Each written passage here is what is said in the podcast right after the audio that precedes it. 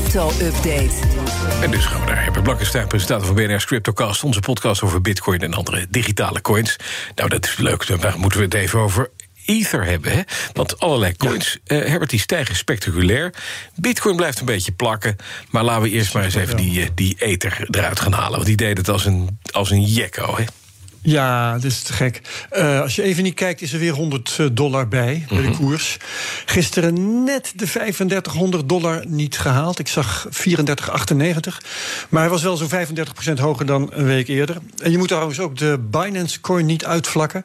Coin van de Chinese exchange Binance. Uh -huh. Is een concurrent van Ethereum. Ethereum is open source, Binance is particulier. Uh, Binance staat derde qua market cap, is de afgelopen week ook met 12% gestegen. Ja, het is, wat is er bedacht natuurlijk eventjes uh, uh, van uh, hoe, hoe kan het nou dat die ether stijgt. Maar we gaan het over iets anders hebben. Want Dogecoin, die is weer terug. Dat is die, dat is die grap, grapmunt, hè? Precies. bedacht als... als parodie eigenlijk op de bitcoin. Leek de afgelopen week over zijn top heen. En staat nou opeens alsnog op een all-time high van meer dan 68 dollar cent. Dat is anderhalf keer de stand van een week geleden. Dus 150% erbij. Ja. Heeft te maken met het nieuws dat die Doge nu ook alweer verkrijgbaar is op de exchange eToro. Dat vergroot de vraag. En er was ook grappig nieuws. En dat helpt ook altijd. Je kunt nu kaartjes voor een honkbalwedstrijd in Oakland kopen met Doge. Uh, met korting, maar door de prijsstijging van de Doge is die korting eigenlijk alweer zo'n beetje teniet gedaan. dat is dan weer jammer. jammer. Intussen staan de Bitcoin-bezitters al 2,5 maand op de nul, hè? Ja, en dat is zuur, zeker als je het met die rare doos vergelijkt. Ja. Uh, Bitcoin werd net een beetje serieus genomen als digitaal goud, als oppotmiddel, bescherming tegen inflatie. Ook weer een beetje als betaalmiddel. En dan komt daar een coin de show stelen die eigenlijk alleen maar bedoeld is als grap. Um, wat die Bitcoin wil zijn voor de bankenwereld, heb ik bedacht. Het is een ondermijnende activiteit. Dat is die Dogecoin nou eigenlijk voor Bitcoin geworden. Mm -hmm. uh, en daarmee staat Bitcoin voor paal. En ik denk dat het misschien tijd wordt om die Dogecoin maar eens flink te reguleren. was een oproep van.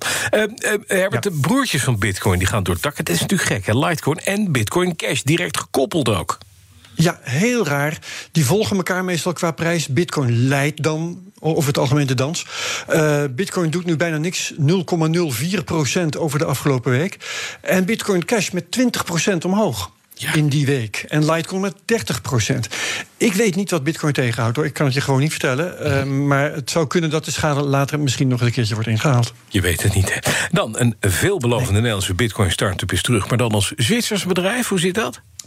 Dat is Bitter, B-I-T-T-R. Uh, was een Nederlands eenmansbedrijfje. Pionierde tot vorig jaar in Nederland met automatisch sparen in bitcoin. En er werden de bitcoins naar je eigen wallet gestuurd. Dus kwamen niet op een account bij Bitter zelf of zoiets. En je bleef dus zelf de baas over je coins. Um, ja, Bitter was een heel klein bedrijf, kon onmogelijk voldoen aan de Nederlandse eisen. Die zijn veel strenger dan elders in Europa.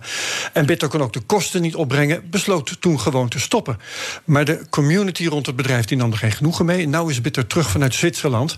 En nou blijkt je met veel minder gedoe een account te kunnen maken dan bij Nederlandse bedrijven. Met meer aandacht voor je privacy, want daar zijn de Zwitsers goed in. Uh, het enige is dat Bitter zich nu niet meer speciaal op de Nederlandse markt mag richten. Geen marketing in, in Nederland. Zelfs geen uitingen in het Nederlands op hun website. Maar ik heb zo'n idee dat de sociale media dat wel gaan compenseren. Ja, dat begrijp ik inderdaad. Maar betekent dat dat Bitter ook nu het platform wordt voor witwassers? Witter? Witter dan wit? Nou, bitter dan wit. Witter dan wit, bitter. Nee, de, Zwitsers houden daar ook niet van hoor. Je moet bij Bitter ook nu uh, wel degelijk nog bewijzen dat die eigen wallet ook echt van jou is. Er zijn manieren voor. Er is een maximum aan wat je mag inleggen zonder identificatie. Dat is 100, sorry, 1000 Zwitserse frank per dag en 100.000 Zwitserse frank per jaar. En dat zijn simpele klantvriendelijke eisen. Hm. En ja, op deze manier gaat het ene na het andere land vandoor met leuke Nederlandse crypto-startups. Deribit, de optiebeurs, ging naar Panama. General Bytes van de Bitcoin geldautomaat ook. Bots ging kort geleden naar Hongarije. Daar kun je algoritmen voor je laten handelen. Crypto to Cash is naar Estland. En nu Bitter dus naar Zwitserland. Er komen er vast nog meer, of er gaan er vast nog meer, kan ik beter zeggen. En dat is met dank aan Wopke Hoekstra en de Nederlandse Bank. En wat zit er dan in jouw CryptoCast morgen? Nou, we hebben een notoren crypto-basher uitgenodigd. Misschien okay. ken je hem, Joost van Kuppenveld, oh, ja. ons eigen FD. Mm -hmm. Hij schrijft hele felle columns tegen Bitcoin. Hij heeft er lol in om op Twitter de crypto-nerds het bloed onder de nagels vandaan te halen.